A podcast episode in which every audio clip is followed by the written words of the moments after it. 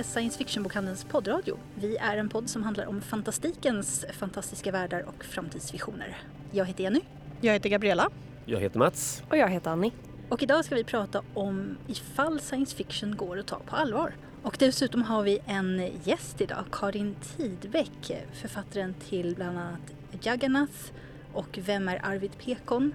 Nu aktuell med The Memory Theatre, kommer och pratar med oss på distans i en liten intervju. Det ska bli väldigt spännande.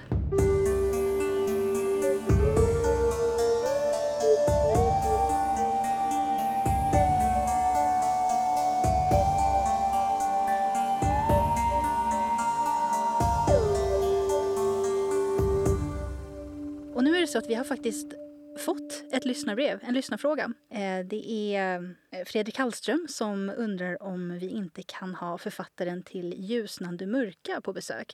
Han heter Lars Langgren och han har skrivit en massa bra berättelser till Creepy-podden. Och det var en jättebra idé, tyckte jag. Tyckte vi. Mm, det tyckte vi verkligen. Ja. Ja, särskilt som hans bok kommer i början av mars så vi hinner eh, boka in ett besök också. Det, Precis, det allting tar ju- lite extra tid nu. Ja, det faller ju på dig att, boka in det här nu så att, eh, du får se till att göra det. Hoppas Ja. att han vill komma, det får vi se. Men eh, det ser vi fram emot. Eh, Fredrik undrar också om vi inte kan göra ett program om fantasy-serier och lämna förslagen Mouse Guard, eh, serier från Image Comics, franska serier och så vidare. Och det tycker jag också låter som en bra idé. Det, det får vi försöka ta och hitta på någonting kring i år tycker jag. Hitta lite experter. Vi har ett par här på bokhandeln. Ja, vi har ju det. Nej, men det, det är kul med, med eh, lyssnarbrev så man får lite nya idéer också. Verkligen. Så fortsätt gärna att skicka in sånt, för det gillar vi. Så här har vi då frågan. Kan science fiction tas på allvar? Mats reagerade väldigt hårt första gången du sa det. Ja, men det är utomordentligt eh, dum fråga. Vad menar du? Förklara dig. Jag tänkte jag skulle provocera lite. Nej, men vi, vi har ju pratat om det lite förr. Vi har också fått lite eh, kommentarer på det här. Men just science fiction och fantasy skrivs ju mest av amerikanska författare. Kanske inte science Pro- fiction... protest, Ja, men- Mats ja. Ja, Jag vill precis, bara inte, markera protest. Fortsätt, Ja. förlåt att jag avbröt. Eh, men framförallt eh, rymdopera och de här episka stora berättelserna känns ju som ett väldigt anglosfäriskt fenomen på många sätt. Och det är svårt att ge ut science fiction och fantasy på svenska. Eh, och är det så, tänker jag, att eh, svenska förlag inte tar de här genrerna på allvar? Tänker att det är för barn kanske? Men det känns ju som att man ser väldigt sällan svensk fantasy i alla fall. Mm. Men det är ju inte särskilt ofta som, som jag känner att jag ser det. Utan, Framförallt inte de här stora maffiaserierna. nej, utan då är det liksom så här mer, mer alltså urban. Jag tänker lite Sara Bergmark Elfgren, Mats Ja. Strand. Alltså så här, lite mer rotat i liksom... Väldigt jordnära för att vara fantastik. Ja, Intressant. inte de episka high fantasy-grejerna. Mm. Eh, jag tycker att man måste skilja lite på om man menar engelskspråkig fantasy eh, som vi får i Sverige svenskskriven fantasy eller översatt och saker på andra språk som många i Sverige inte läser. Alltså spanska, tyska, ryska, allt möjligt. För att vi fick faktiskt en, eh, inte en eh, lyssnarfråga, men en så här allmän researchfråga som trillar in ibland till oss i bokhandeln från någon som höll på med en uppsats och frågade om science fiction och fantasy är internationella genrer och som utgick från ett väldigt svenskt perspektiv. Vad säljs eh, på, liksom, i svenska bokhandlar i stort? Jag tror vi var en av flera som fick frågan. Och det är ju, man kan ju tolka det som att internationellt är engelsk import eller så måste man komma ihåg att tänka på att det kan ju faktiskt skrivas typ i Kina som nu har en enorm science fiction-våg liksom just nu. Och eh, den här klassiska magiska realismgrejen, om man räknar in den till fantasy eller inte i liksom latinamerikanska länder och så, som man inte ser i samma utsträckning i Sverige. Men det betyder inte att genren inte är internationell. Det betyder att man har ett, ett väldigt nationellt eh, perspektiv. Mm. Ja, men såklart. Det är ju den svenska. Men Om du, om du tittar på, det kommer ju sådär antologi, och Years Best Mm. antologier och då har det precis Eh, för ett tag sedan kom ett eh, Years Best Science Fiction eh, med redaktören Jonathan Strahan heter väl han tror jag. Som rekommenderas hela den antologin. 500-600 sidor, massor med bra noveller. Det som är slående där är att det här att, att science fiction-genren, om vi håller oss till den som anglosaxisk, ja förmodligen är det väl fortfarande så, men det är enormt, eh, enormt jag vill ta i, en hel rad författare från skilda delar av världen som är där. Alltså ifrån, ifrån eh, Nigeria, Indien, Kina, eh, överallt. Till och med Sverige, Karin Tidbeck då, finns representerade. Men inte för att de råkar komma från Nigeria eller Sverige utan för att det är förbaskat bra noveller helt enkelt. Så att det händer saker, det håller på att förändras. Ja, och jag tycker alltså den som är mest engelskspråkig, liksom, där utgivningen verkligen domineras av USA, eh, Storbritannien, Kanada, Irland. Liksom, det är ju alltså, episk fantasy eller high fantasy, drakar och trollkarlar i en annan värld. Eh, också för att många som skriver den typen av fantasy, även svenskar, utgår från eh, alltså den, den vad heter det, mytologin som baseras på typ Arthursagan, eh, fairies, irländska folksagor och, och liksom allt lite så här rörigt. Och Tolkien. Och han gick ju in på den här anglo saxiska och lite tyska och allt det där. Så att det, det fortsätter i den traditionen. Och det har också skrivits om alltså en del ehm, författare som skriver fantasy som kanske mer kan klassas som urban fantasy men från eh, forna kolonialländer, Indien, Malaysia, Indonesien som pratar om att de saknar ett språk för att skriva, vad ska man kalla det, ja, men roman, i romanform, eh, en trilogi eller någonting där, som utspelas i Malaysia med typ malaysiska drakar. Eh, för att där, där, det är något man måste uppfinna Eh, på engelska och med den engelska mytologin så har redan Tolkien och hans efterföljare liksom gjort jobbet. Så alla, som, alla vet hur en Sword and Sorcery ser ut. Eh, om man plockar upp George Martin och har läst lite fantasy så är man så här, ja ja, jag fattar typ vad det här är. Mm. Men att det är en högre tröskel och i just de här länderna så handlar det också om att deras egna mytologier och språk och litteratur har undertryckts.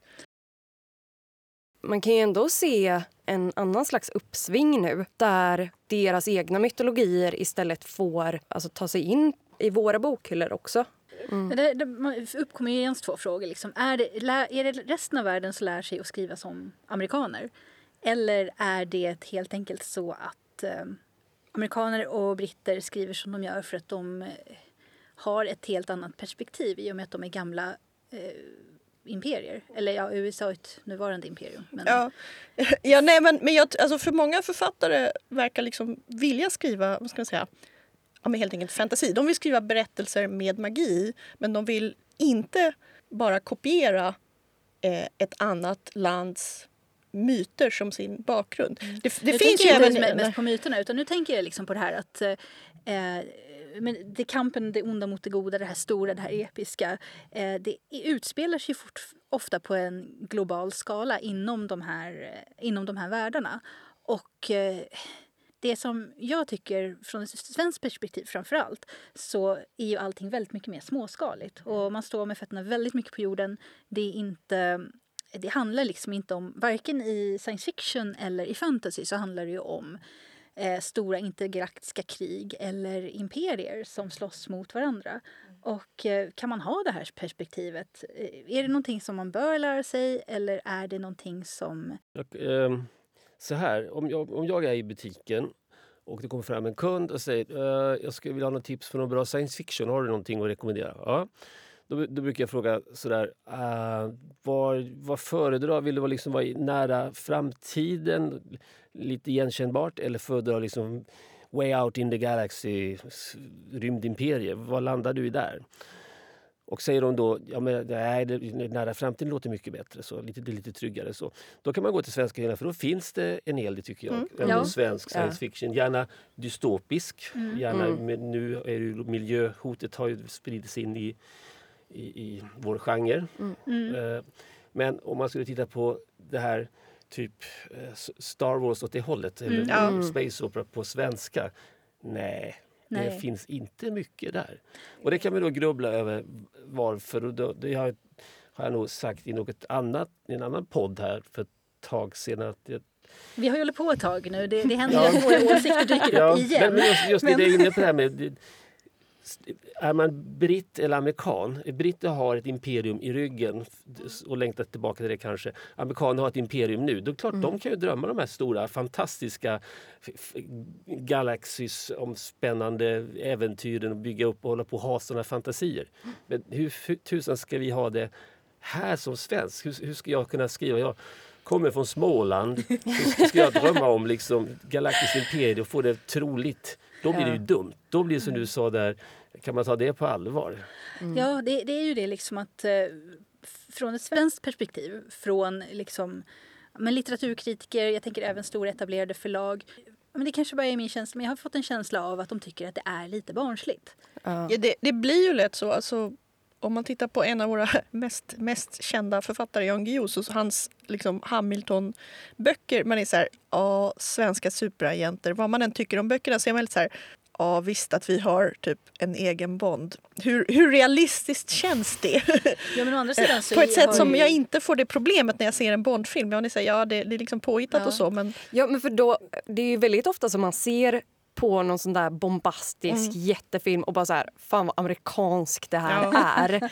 Det, det skulle ju inte riktigt funka om man skulle se någon svensk film eller något sånt där och bara ha alltså, feta ljudeffekter, fet datorgrafik och bara åh, det här är så svenskt. Mm. Alltså, så, så går det ju inte till. Utan I det svenska så känns det ju som att det mer är de här existentiella, det här mörkret, det här alla bara går runt och mår dåligt. Liksom.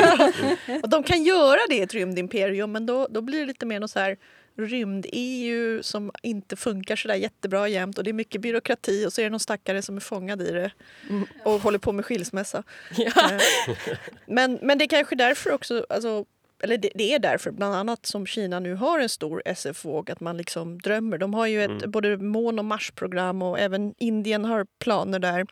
Men det är mycket, alltså det är författare så att säga diskuterar och funderar, den typen av författare som diskuterar och funderar varför skriver jag det jag skriver och är det fortsätter vi kulturimperialism eller gör vi något nytt eller vad händer? Och sen sånt som kanske blir så här blockbusters är ju inte alltid det är ju liksom ofta flera diskussioner som pågår. Även i Sverige har vi ju till exempel många försök till ehm, um, vikingafantasy som ändå det, det, det är väldigt svenskt, nordiskt. Eh, sen har det inte gått så här jättebra. Det har ju aldrig blivit en liksom mega hitfilm eller en så här superfolkkär bokserie som är verkligen klassisk vikingafantasy. Jag tror att det är lite för att folk vet samtidigt lite för mycket och lite för lite om Ja. den tidsperioden. Här par- Paradoxalt. Men Ja, men det är svårt med vikingafantasy. det är, det är Ja. jättesvårt. Eh, ja, min jämförelse går ju liksom genast automatiskt till Japan som har en helt annan syn på sin... ehm, Okej, deras ed- samurajperiod är ju senare men även deras samtida tidsperiod används ju på ett helt annat sätt i deras fiktion. Den är- mytologiserad men det har existerat i så många i så många år. Så att det är så många som har gjort det här på olika sätt. Så det finns liksom en bred grund på hur man kan ta itu med sin egen historia. Men kan det är vi också- göra det på något sätt? Eller hur, hur gör vi svenskar med det då? Alltså problemet Problemet jag, tror jag är också att ingen vet, alltså vi har inga spegelbilder. Eh, hur ska jag säga, Tokyo, den internationella neonstaden, har ju liksom William Gibson och alla möjliga människor har skrivit om den. Och, och så. Men däremot om du frågar folk vad är Sverige och Stockholm? Och de bara älgar. alla, har skrivit, Isbjörnar på gatorna. alla har ju skrivit alldeles för mycket om vikingar också på ett sätt som härstammar ifrån 1800-tals romanticism eller vad man ska kalla det för snarare än, än historiska fakta. Men framför allt så tycker jag att det beror på att eh, det finns för lite mängd eh, saker skrivna. Det finns för få, alltså det har ju med folkmängd att göra också. Det är klart att liksom man, man kan inte prångla ut hur mycket fiktion som helst på en sån liten befolkning som vi har. Men i Japan så Alltså vi är inte ens en förort i Tokyo. Nej men eh, det finns ju liksom så många författare så att ehm, det, det är nästan som att de har gjort en jag menar, de har gjort en mytologi av sin egen historia som de kan ösa nästan obegränsat ur på ett sätt som vi inte har. Jag menar, vi, vi har så här en, ett par serieböcker som handlar om vikingatiden och i Japan kanske det finns liksom 200 minst. Kan inte det också handla om förlagens inställning till vad det är som skrivs?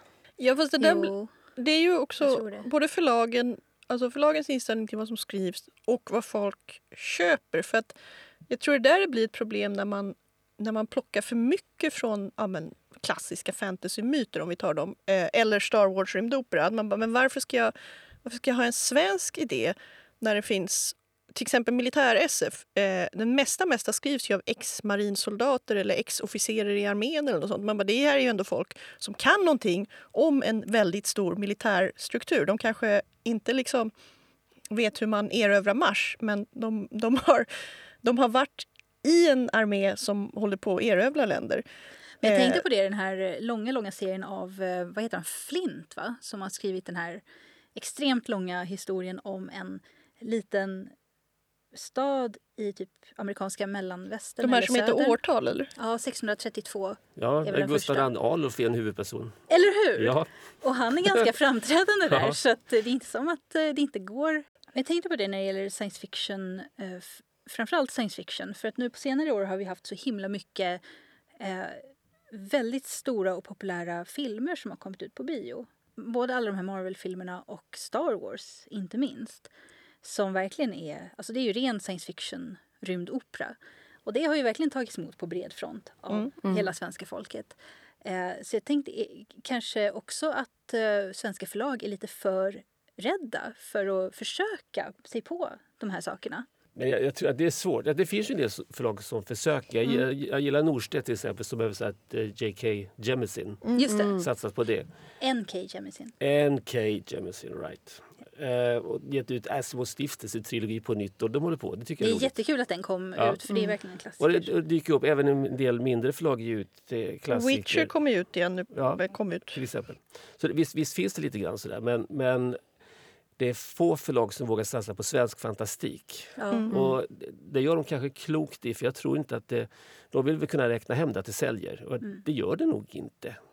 Nej, det Eh, finns... Men, Men nej. å andra sidan kan jag själv uppfylla en profetia. Eftersom det inte utkommer någonting så får du inte chansen att sälja. Så Mm. att, ja, Jag tänker att där så kommer väl Sveriges väldigt, väldigt, alltså våran starka engelska kunskap kommer eh, de här förlagen lite i stöpet. I och med att vi är så himla lätt läser på engelska så då kan vi lika gärna läsa fantastik på, på engelska som ju har en väldigt mycket bredare utgivning än, än, eh, än vad det svenska språket ja, det är ju lättare att att hitta Det gamla böcker också. In. Jag, jag tror att det har ganska stor betydelse. Ja, vi har, alltså så här, i, i, vår, I svenskt mannaminne så är det väl svårt för oss att liksom föreställa oss, precis som du sa tidigare, någon slags... Eh, ja, precis. Jag nickade åt Mats där. Precis, vi Eh. kommer ihåg att det är på, vi är inte på bild här. Nej, vi är inte på bild. Ehm, alltså att det är svårt för oss att föreställa oss och ehm, ja, men alltså något slags überimperialistiskt perspektiv. För att vi, Sverige, vi är lite nöjda med våra lilla, våran lilla värld här. Våran lilla Utom i, sfär, i barn vår och ungdomsböcker. Där det ges ut mycket eh, vad ska man säga, skrivet på svenska, originalspråket svenska. Eh, eh, fantasyaktigt och science fiction är ju liksom för barn. Bilderböcker, ja, men barnböcker innan det blir young adult och tonår. Och där tror jag det handlar mycket om att förlag och föräldrar säkert har eh, värderingar som man inte hittar. För det, alltså, om man jämför eh, hur Black Widow framställs i MCU och typ tittar på hur väldigt medvetet de har tänkt i Handbok för superhjältar så vet jag vad jag skulle vilja att min åttaåring läste helst. Eh, och, och jag menar, små barn ser ju de här filmerna. Jag har en brorson som var helt inne på Pirates of the Caribbean när han var fem eller nåt. Där tror jag att det, det finns en marknad som vill ha det på svenska och som gärna vill ha liksom att ska säga, någon kollar att det inte är för sunkigt. Ja, men absolut, men då är det ju också precis som du säger, de yngre åldrarna. Mm. Varför tappas det när man går upp i åldern? Den, den är intressant. Får jag bara skjuta in Ja. en sak? Jag känner att jag måste ändå säga att science fiction och fantasy, det, fin- det är klart det utkommer. Det finns en hel rad br- mycket bra mindre förlag som tar hand om det här som de stora förlagen inte vågar eller klarar av. Så Ja, jag vill bara ha det, det- sagt. Ja. Men vad det gäller just fantasy för barn och ungdom och varför, vad händer sen i vuxen ålder? Det, väl där någonstans kanske vi är tillbaka, tänker jag på att så som varandes skandinaver, svenskar som står med två fötter i myllan här i skogen och, och graniten. Så, så det här med sagor och sånt, det är bra, men det är bra för barn. När du, när du är vuxen Mm. då ska du inte hålla på och läsa. Läser du sånt där? Snälla Mm. du, hallå, det är ju inte på riktigt. Att det, det händer någonting där, Mm. kanske. Som en, Men det är ju så väldigt... För jag känner igen det så himla mycket. Alltså när man läste... När man inte växte ur den här fasen av att framförallt läsa mycket fantasy Ja. eh, och istället började jobba på science fiction-bokhandeln. eh, men det, kände, det var liksom alltid, ju högre man kom i åldrarna desto mer skambelagt blev det Mm. att man inte läste olika sorters socialrealism. Liksom. Här måste jag ju då komma och säga att det finns ju några författare som är väldigt högt skattade och tas på allvar som till exempel som skriver fantastik enligt min mening. Till exempel Jonna Ajvide Lindqvist. Och när det gäller skräck, då verkar det vara en helt annan femma. ja, då, det är mer accepterat. Men jag tror Va? det är, så mycket... märkligt. Varför det? Alltså det skräck... Det här har vi pratat om med flera författare som skriver skräck också, flera som gillar skräck. Att skräck speglar ju alltid samhällets liksom frukta. Och, alltså på många sätt så speglar ju science fiction också det samhälle det skrivs i. Ja, Men det är kanske där klart. att Ja. det är svårt för många att känna. De är så här, men vilken slags samhälle vill, vill jag se i den här förvrängda framtidsspegeln alltså som de lever i i Sverige? Det är det jag har fått känslan av. att eh, Folk ser det här när det gäller skräck. De ser att eh, det här handlar liksom om oss. Men de kan inte se det när det kommer till fantastik. Det är liksom, även om fantastik i sig, tycker jag, eh, när det är bra så handlar det ju väldigt mycket om eh, varför människor är som de är. Får- Kanske en citat Ja, precis. Och, men det, det, där blir jag lite trött, har blivit på det här. Eh, skräck, det, då är det psykologi och då, då läser vi det, eller vi tycker om att skrämmas för att det, det, det, det, det, det blir någon sorts eh, Primitiv behov, känsla. primitiv känsla och rening Ja. och vi kan inte få utlopp för massa känslor i skräcken och så vidare. Vi tycker om att bli skrämda. När det kommer till fantasy då, då kommer det, eh, kritiker eller psykologer och säger liksom, då handlar det om verklighetsflykt. Vårt behov av att fly från verkligheten. Ja. Det, det handlar på en annan. Och ibland kan jag tänka och tycka att allt det där psykologiserande fantasy, eh, storslagen episk litteratur, det är sagor, det är samma berättarstruktur som, som vi hade vid lägereldarna. Liksom. Vad hände sen? Och, och, alltihop det, där. Det, det är roligt, det är Ja. skoj. Och det är kul med skrämda monster. Det är kul. Mm. Det, det behöver inte vara så förbaskat speglar samhället, eller hur vi mår. Det, det, ibland, ja, nej. Nej, och det är också den, alltså, en av världens allra bäst säljande författare är ju Stephen King och alla som har köpt honom har ju inte läst det för att göra en djup analys av det psykologiska tillståndet utan de var så här, jag vill ha något läsbart här. Ja, men King är ju alltid ganska bra i alla Man fall. vill ha någonting spännande helt Ja. enkelt. Som man bara rycks med i. Och, Precis, för man sitter på en obekväm buss och vill liksom, Ja, man bara, men det här, Jag, jag tycker precis som du Mats att eh, man får inte underskatta liksom, den biten av läsningen och, och fiktion. Liksom. Varför, varför läser man överhuvudtaget? Det är ju inte bara för, för att liksom, göra sig själv till en bättre människa i, i liksom någon slags vad ska man säga, torr ansats att vara vuxen. Mm. nej då kan man städa istället. Det är det man gör när man blir vuxen alltså. Ja, det känns så. Ja, ibland känns det som det är det enda man gör hemma. Det är fasiken väldigt sant. Ja, just den här typen av episka, alltså episka sagor har ju alltid funnits. Det, jag vet inte hur gammalt, är inte det äldsta eposet um, äh, Gilgamesh? Gilgamesh, eposet, ja. Mm. Som är verkligen urgammalt. Och det, det är ju en, en fantastik berättelse, helt Mm. klart. Och väldigt många av de här gamla, det här som alla läste, eller alla de här pjäserna som alla såg för några tusen år sedan var ju, var ju fantastik nästan rakt av. Väldigt mycket. Det, det finns ju någonting hos oss som verkligen söker efter den här biten i, i, eh, i fiktionen. Men då är det ju så tråkigt att det känns... Eh, alltså om man ska återgå till, till eh, din väldigt provocerande fråga där om man kan ta science fiction på allvar. Jag tycker att man bör ta den på allvar och samtidigt eh, inte på mer allvar än man vill. Mm. Mm, ja, jag kan... Jag måste fundera på det, men det lät bra. Det, det känns lite som jag har någon invändning någonstans, men jag återkommer. Alltså det, det jag tycker är en fördel med, med mycket fantastik är ju att man kan alltid alltså man kan läsa det på handlingsnivå och låta sig svepas med av känslorna. Och sen om man är lagd så, så kan man ju sitta och fundera vad betyder det här? Och Mm. aha, den skrevs på 80-talet så handlar det om gud jag vet jag, kalla kriget eller någonting annat. Mm.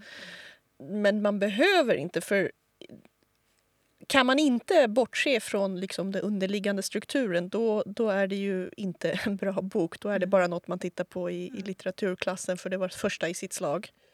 Ja, jag menar en bra historia är en bra historia. Mm. Och eh, vi mår bra av att uppleva bra historier.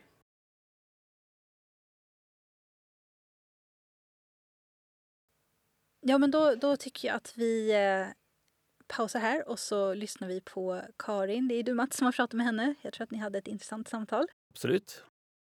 Innan dess så tänkte jag bara att vi fyra avslutar med att berätta vad vi är besatta av just nu. Och eh, för min egen del så har jag blivit återbesatt av Attack on Titan av Isayama Hajime som jag tror de flesta känner till ändå. Eh, Sista anime-säsongen går nu. Det går väl rykten om att eh, den allra, allra sista biten kommer bli en långfilm eller en kortare säsong, ännu en säsong då, men, men den sista normala säsongen går nu. Och det är två kapitel kvar på mangan innan den avslutas och det är superspännande. Eh, så att, eh, det, det är det jag gör nu. Jag sitter och läser om hela Attack on Titan. Det är en sån jäkla lång serie. Ja, är det bara två kapitel kvar? Jag, Det är bara två kapitel kvar. Nej, så lång är den inte. Den, Alltså den är ju ingenting om man jämför med One Piece. jag tänkte säga det, men-. Jag vet du vilken Jennys favoritserie är? ja. Ja. ja, okej, jag har kanske lite, lite skruvat perspektiv här. Ja, den är ganska lång, men den är ju, den är ju bara strax över 30 volymer ändå. Det är inte så farligt. One Ja. Piece är snart uppe i 100 liksom. Ja, men inte ens Dragon Ball, den är ju vadå, 42 delar. Så jag menar, det, det, efter det blir det långt tycker jag. Jag Men den är lite den- lagom lång tycker jag. tycker den ser ut som att den tar upp halva våra manga Den har massa spin-offs. Eh, Ja, just det. precis. Men den är inte, de är inte skrivna av Isayama så jag struntar i dem. ja, nej, men den ser längre ut än den är. Du då Gabi? Eh, ja, alltså jag, jag håller på och planerar en större bokomflyttning eh, omflyttning hemma hos mig för jag har ett bibliotek. Och, eh, som, ja, och jag behöver, jag har köpt mer böcker helt enkelt och framförallt mer manga. Eh, så jag behöver flytta runt. Och som alla som har jobbat här i bokhandeln vet så flyttar man inte liksom 17 hyllmeter böcker utan en plan för då Mm. kommer man gråta. Och ibland så håller inte planen även fast man tror att den skulle göra det så får man göra om sen i alla fall. Nej, jag, jag, jag fixade det där, gud, när var det? Någon gång förra, sista kvartalet på förra året eh, så flyttade jag om en massa böcker men jag tycker inte om hur det blev. så nu ska jag flytta dem igen. Ja, Eh, och den här gången tänkte jag också ta och damma. Så att det här är, det är en så här avancerad plan. Jag har ritningar och jag håller på med måttband just nu. Så det är Oh. vad jag är lite besatt av. Ja. Vuxet. Eh, jo, p- ja, på tal om vänligheten. Jag är lite besatt av vänligheten. Jag kommer på mig själv att på väg hem från jobbet att jag ser fram emot att det ska bli kväll, att jag ska få lite lästid och, och fördjupa mig i, i vänligheten. Den är John Ajvide Lindqvist då förstås. Han har gjort en roman på 650 sidor. Eh, så tjocka romaner brukar han inte göra. Och det är en tyngd i den där boken, verkligen. Eh, och han gör det. Han gör så förbaskat bra det som han är så bra på. Den här handlingen tilldrar sig mest i Norrtälje. Det skulle kunna vara en, en, en coming of age, vad heter det på svenska? Alltså, ungdomar som växer upp och blir vuxna. En skildring, realistisk skildring av livet. Hur det gick i skolan, vad det blir av dem i livet, deras drömmar och alltihop det där. Men självklart är det ju då det här att det finns ett litet, litet eh, element som genomsyrar hela handlingen av, av eh, det övernaturliga. I det här fallet så är det en kille som, det här är ingen spoiler för det är precis i början, han kan se, in, in, eh, han kan drabbas av att han ser sådant som kommer att ske i den nära framtiden. Inte ofta, men det kan ske. Oftast något otäckt. Och så har vi en tjej som hör saker som kan ske i framtiden eller kanske har skett. Och det är också inte ofta hon råkar ut för det. Men det elementet finns där. Och så växer det. Alltså det är, jag är så imponerad. Och hans språk och hans människoskildring. Han är en helt lysande författare oavsett genre. Han är bara så bra. Mm. Verkligen. Jag eh, började tänka på en bok som jag har varit ganska besatt av. The Loney. ehm, av en författare som heter Hurley i efternamn. Sen så kom jag på att det är inte alls det jag är besatt av just nu. Nej. Nej. Jag är ju för fasiken besatt av min hund. Jag är också besatt av din hund. För Ja. Den ligger här och nosar på min sko just nu. Hon är med oss idag. ja, hon sitter här nu under, eh, under poddbordet. Ja. Eh, men hon tar ju upp det mesta av min tid och särskilt nu när det snöar så jäkla mycket ute för hon är galen i snö. Ah. Så att eh, nej, nej, det är min hund. Jag sa alltid till mig själv att jag skulle inte bli en sån crazy dog mom som typ så här refererar till sig själv som mamma och bara lägger ut bilder på sin hund på sociala medier. Jag kan ha börjat vika av mot det spåret. Jag har inte kallat mig själv för mamma ännu. Nej, det är väl Eh. där gränsen går, liksom, den här hårda gränsen. Ja, då... Då har man blivit galen. Det gäller att kanske köpa en barnvagn till hunden. Ja, nu Okej, kanske vi får jättemånga arga hundlyssnare på oss. Nej, Så vi kanske vi älskar hundar Vi älskar hundar. faktiskt. Och ehm, Fast inte hundar i barnvagnar. Nej. nej, Nej, ja, det finns på. gränser. det, Jag tänker det är okej om de får ärva barnvagnen. Men inte in public är det det. Jag vet inte. Nej, det är inte okej. Nej, Nu säger vi det är inte okej. nej är förlåt emot. alla hundägare som går runt med eh, hundar i barnvagn. Men vi stöttar inte er. Ehm, Men jag är väldigt mycket för hundpåhälsning i- på jobbet. Så jag tänkte säga så Annie, nästa program blir hundar i science fiction då eller? ja, då får ju Tosca ha en egen mick också tycker jag. Ja. Se vad hon har att säga. Ja, hur mycket åsikter hon har. Nej, hon har inte varit så stort fan av när jag läser högt för henne. Men då så, då eh, hörs vi igen om eh, två veckor om inget oförutsett händer. Men först lyssnar vi på Karin och Mats. Karin Tidbeck, välkommen till SF-bokhandelns podd. Tack så mycket. Du är aktuell med en alldeles ny roman. Men jag har tittat lite på din bibliografi. Då får du rätta mig om jag har fått någonting fel här. Debut med novellsamlingen Vem är Arvid Pekon 2010. Stämmer? Jajamän, det stämmer bra. Ja. Och sedan blev delar, större delen av den översatt till engelska under namnet Jagannath. Jajamän.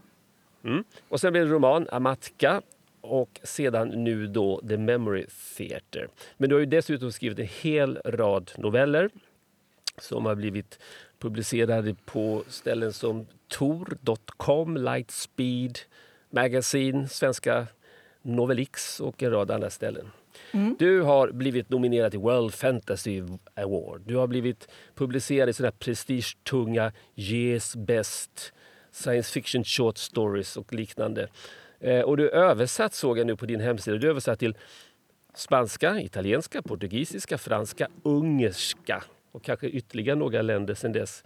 Och förstås på engelska. Dessutom så skriver du nu på engelska för att The Memory Theatre den kommer bara på engelska. Men innan vi går in på det, berätta. Vad, vad, vad är det för roman du har skrivit? Eh, ja, det är väl... Eh, man skulle kunna kalla det för kanske weird fantasy om man vill. Eh, jag tar inte så stor eh, hänsyn till genren när jag skriver så någon annan får kategorisera det. Men det är en berättelse som utspelar sig efter en novell som heter Augusta Prima och som handlar om vad som händer när en ädling i ett förtrollat rike upptäcker tidens existens och därefter blir utslängd. Och det handlar, om- så det handlar om henne och det handlar om två stulna barn, Thistle och Dora som ger sig ut på ett stort sökande efter eh, sina egna identi- identiteter, skulle man kunna säga. Och mitt i allt det här så förekommer också andra världskriget i Sverige. Det förekommer en interdimensionell teatertrupp och en bibliotekarie. Ja, det är väl det. Det, är- alltså det är svårt. Vad, vad, om du skulle genrebestämma den, vad går det? Eh, alltså mitt förlag är ju genrebestämt den som fairy tales. Eh, Ja. Jag själv skulle Weird. väl säga att det är Ja, kanske fantasy som gnuggar sig mot weird fiction. Jag vet inte. Jag- Nej. Det känns inte superviktigt.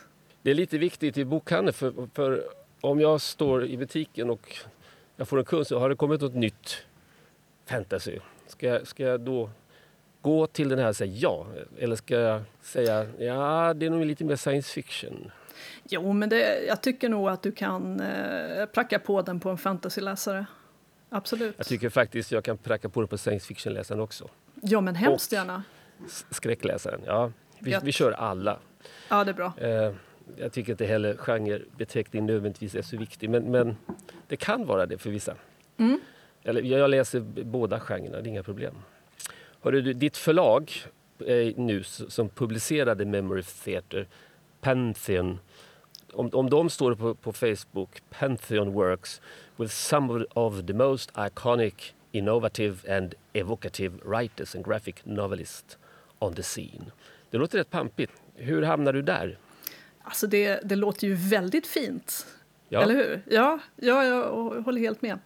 Eh, nej, men det är ju ett imprint av eh, Penguin Random House som är mitt moderförlag. Så att eh, Amatka till exempel, när den kom ut på engelska så kom den ut på Vintage som är ett imprint av Penguin Random House.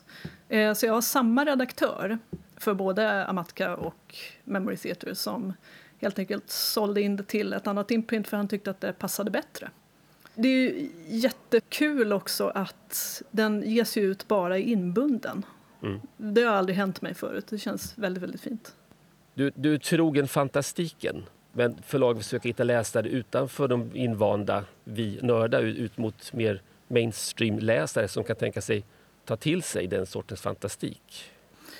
Jo, men det kan man nog säga. Jag tror att eh, Penguin Random House de sysslar ju både med att... Eh, de, de kör ju både mot fantastikmarknaden men också mot det som kallas för litfic, alltså litterär fiktion.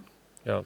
Och det är väl där jag hamnar lite grann också, att det ofta kategoriseras som litterär fantasy. Vilket jag tycker är... Ja, känns lite som en nonsensbeteckning, men eh, Eller hur? kör för det. Eh, men, men Sverige då, vad, eh, finns det något intresse från svenska bokförlag för Karin Tidbecks författarskap? Du, jag har faktiskt ingen aning. Min, jag har ju en agent i USA Mm. och eh, hon samarbetar med agenturer i Europa och bland annat med en svensk agentur. Eh, så det är ju deras uppgift att sälja in den här boken till bokförlagen. Men jag har inte Mm. hört någonting. Och eh, tidigare har det varit så att, eh, att översättningar inte kommer förrän originalet har varit ute ett tag. Gissningsvis för att de vill se hur det går för boken. Mm. Jag kan bara spekulera. Men än så länge har jag inte hört något. Varför började du skriva på engelska? Jo, eh, jag skrev ju Vem är Arvid Pekmo på svenska. Och så skrev jag Amatka på svenska. Och båda av de här, de gick ju inte särskilt bra i Sverige. Så att eh, jag blev arg och Mm. tyckte att jag förtjänade mer, eh, förtjänade fler läsare än så här. Eh, så att jag började helt enkelt översätta mina grejer i rent vredesmod. Och jag hade ingen särskild kompetens, jag har ingen utbildning som översättare och jag har inte pluggat engelska på universitetsnivå eller någonting sånt utan jag bara körde helt enkelt. Så, så, och den ilskan den bar ända iväg till, som idag, då, det här Pantheon Publishing House. Jajamän. Häftigt. Jag, jag tänker att det, att det finns en och annan som kanske lyssnar på det här som själv skriver Mm. och bär på den här drömmen att tänka att få bli publicerad på de stora förlagen i England och USA. Jag, jag skriver på engelska. Mm. Men, men alltså, om någon skulle fråga mig om råd på den punkten, vilket ingen gör, men om, så skulle jag kanske säga att eh, jag tycker nog att du ska hålla dig till skriva på engelska för att det är svårt att du, du har inte samma nyanser, vokabulär riktigt på engelska som på svenska. Att det, men det är inte omöjligt, men du gör det nog väldigt svårt för dig. Men, Ja. men du har någonstans... En, nej, nu ska jag inte bli för långrandig för det är du som ska prata. Men när jag läser det du skriver, ditt språk, det, det är ju helt häpnadsväckande. Jag bara njuter av, av speciellt dina uttryck, dina dofter och smaker och beskrivningar som du sysslar med som är inbjuder till långsam läsning så att jag hamnar, bara, även om det är en kort novell på 7-8 sidor så är det som att jag dyker in i en helt annan värld och får befinna mig där. Det var en utläggning. Eh, någon kommentar på det? Alltså det var en hemskt fin utläggning, tack så hemskt mycket. Ja. Um, jo, nej eh, men det här med att skriva på engelska. Jag själv eh, upplevde särskilt i början att det var väldigt jobbigt. Alltså att skriva på ett språk som inte är ens eget modersmål, det är ju att skriva på ett språk som man inte är hårdkodad för så att säga. Jag är ju hårdprogrammerad på svenska så jag har ju instinktiva reaktioner Eh, när jag hör vissa ord och när jag hör ett visst språk. Jag kan av, avgöra väldigt fina nyanser. Men med engelska är det lite som att skriva med... När jag började skriva på engelska så var det lite som att skriva med tumvantar. Mm. Att man kunde liksom inte känna språket på samma sätt, kunde inte smaka på språket på samma sätt. Och det, blev, eh, det kunde bli ganska yxigt därför att jag hade inte tillgång till alla de nyanserna. Numera skulle jag väl säga att det är lite som att skriva med undersökningshandskar. Att jag, är, jag har bättre koll, eh, men att jag fortfarande är medveten om att det här är inte mitt modersmål. Mm. Eh, så det jag skulle säga till den som vill skriva på engelska, dels det som jag har sagt som skrivpedagog, för jag undervisar ju från och till i att skriva fantasy och science fiction. Det är att eh, det är bra att bemästra sitt modersmål först. Att hitta sin röst på modersmålet. Mm. Att ha liksom en fast grund att stå på. Eh, men sen om man känner att man vill försöka göra sig en karriär på engelska så absolut, kör. Det som kan vara bra är att ha, ju, är, är att ha ett utbyte med andra som skriver på engelska. Eh, gärna folk som har det som modersmål, ha andra läsare Mm. som Mm. har en koppling till engelska språket. Eh, jag, har en, jag har en åsikt här om den anglofona kulturen och hur man anser att man måste vara expert för att få göra någonting. För jag har pratat ganska mycket med andra som skriver på engelska som andra språk, som kommer från hela världen. Och eh, det finns ganska ofta en uppfattning att om du inte kan göra det perfekt, gör det inte alls. Och det tycker jag är trams. Därför att det utestänger väldigt många författare som kommer från andra delar av världen från den stora marknaden som faktiskt finns på engelska.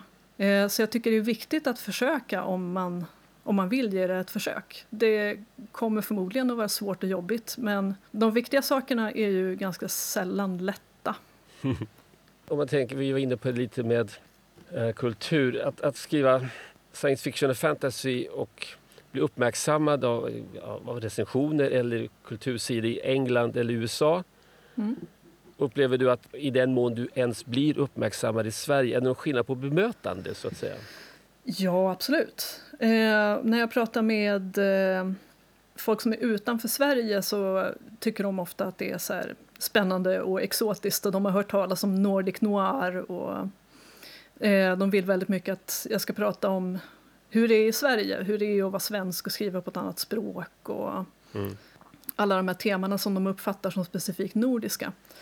När jag pratar med svenska journalister så öppnar de nästan alltid med frågan varför skriver du fantastik? Aha. Ja, varför, varför gör du så här?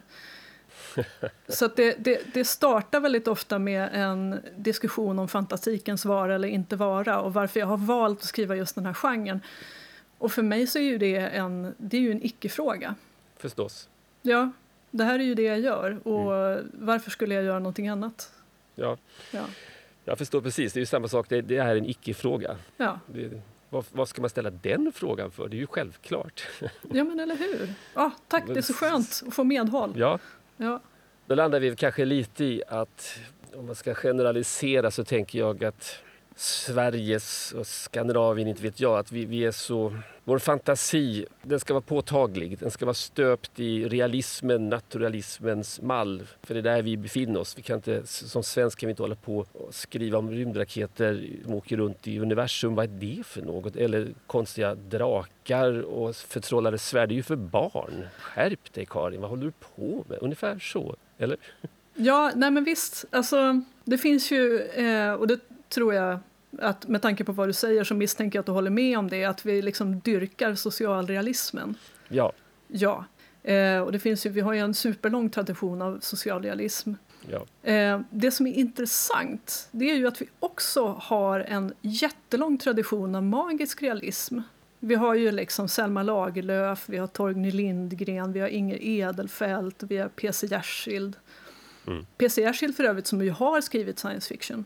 Mm. Men eftersom han startade sin bana eh, med, med så att säga fin litteratur så tillåts han göra det.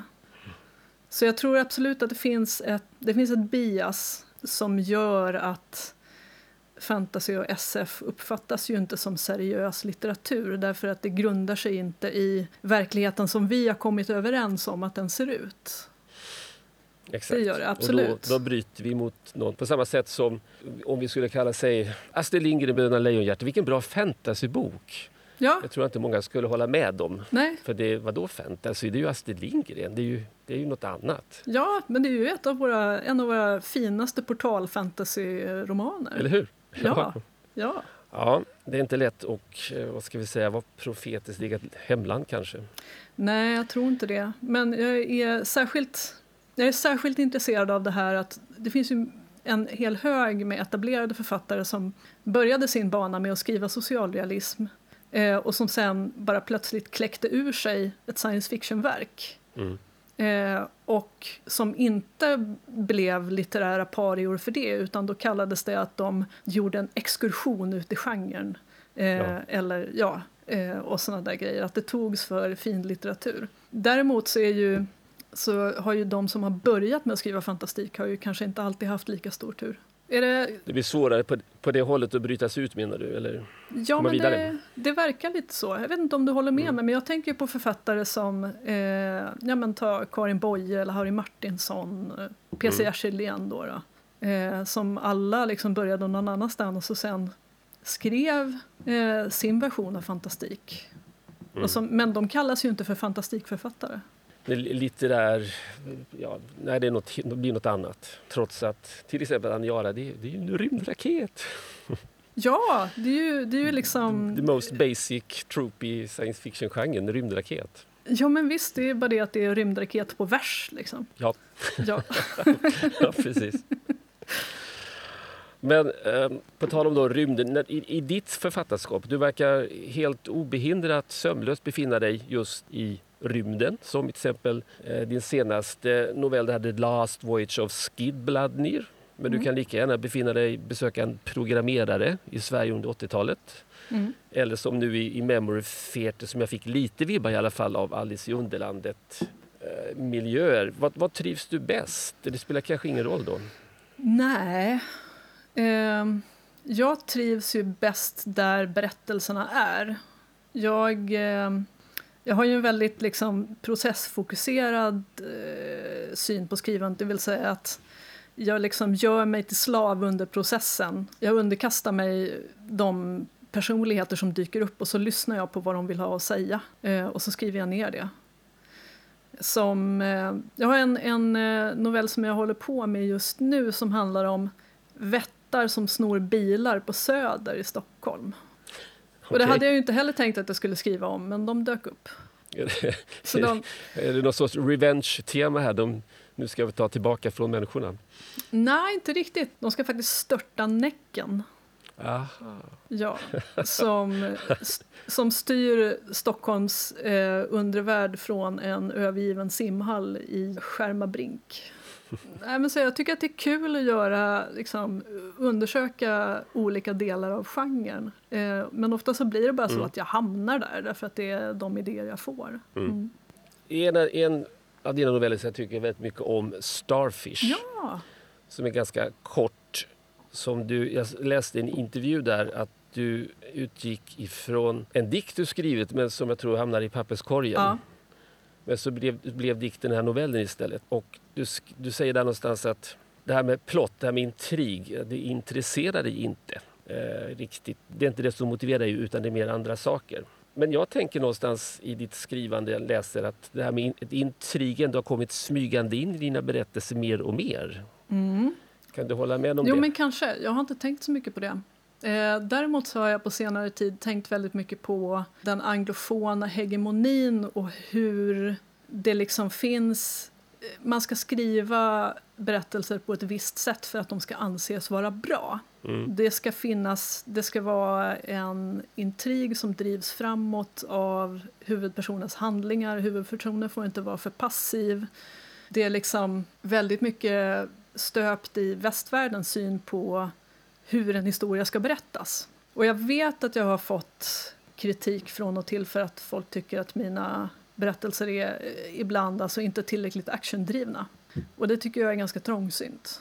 För att det finns ju så många olika sätt att lägga upp ett narrativ på. Liksom.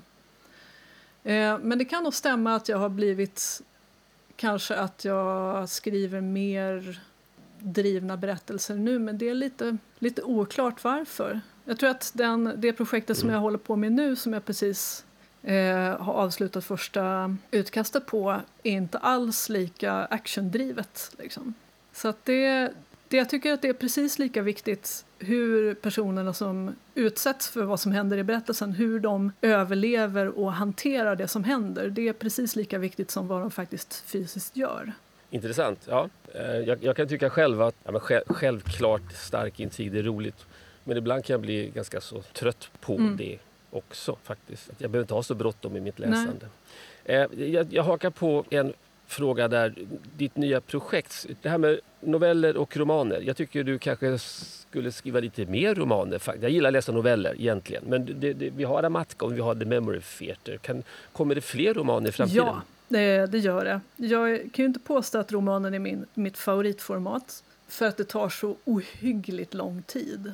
Men eh, jag har precis avslutat ett, en första version på en roman som eh, också liksom blev till. Alla mina romaner har blivit till liksom av en olyckshändelse för att jag insåg att det här har blivit jättestort det här projektet. Det blir någon roman. Men det var inte meningen till att börja med. Liksom. Eh, det här det här projektet var lite mer... Eh, det kanske var från början meningen att bli en roman, tror jag. För att jag fick en tanke och så insåg att det här är en jättestor grej så jag får nog ta och sätta mig ner och strukturera upp den. Och det är första gången jag har skrivit någonting som är så strukturerat från början till slut. Men det är för att jag liksom har från början vetat att det här är en historia jag behöver berätta och den kommer att ta tid att berätta. Men, men när, när tror du att vi får läsa ja, den? fan vet alltså. Den ska ju, jag ska skriva om den en gång till. Eh, den ska ut på läsning hos några kollegor, för vi läser ju varandras texter och ger feedback och sådär. Sen ska jag skriva om den en gång till, för det gissar jag att jag kommer att behöva göra. Sen ska den skickas till min redaktör som, kommer ha, som förhoppningsvis kommer säga att den här vill vi ha. Och säger han det så kommer jag ju få skriva om en massa igen och den processen kan ta jag menar med Memory Theatre så hela omskrivnings och redigeringsprocessen tog nästan två år. Så att, eh, ja, åtminstone två, tre år skulle jag tippa. Det är lugnt Karin, för nu har vi ju The Memory Theater att läsa här som ligger Ja, är framför oss. och så kommer det dyka upp en annan novell misstänker jag under tiden. Ja, förhoppningsvis så, så de här eh, vättarna som snor bilar kanske vättar. kommer. kommer. Ja. Ja, ja gärna. Vad bra. Du, då ska vi avsluta den här intervjun och så ska vi säga då att 16 februari, slutet av februari så kan, kan vi läsa The Memory Jajamän. Theater. Visst är Jajamän. det så? Ja. Vad spännande, vad roligt. Tack för att du ville vara med i vår Tack podd. själv. Ja, på återhörande. Ha det fint.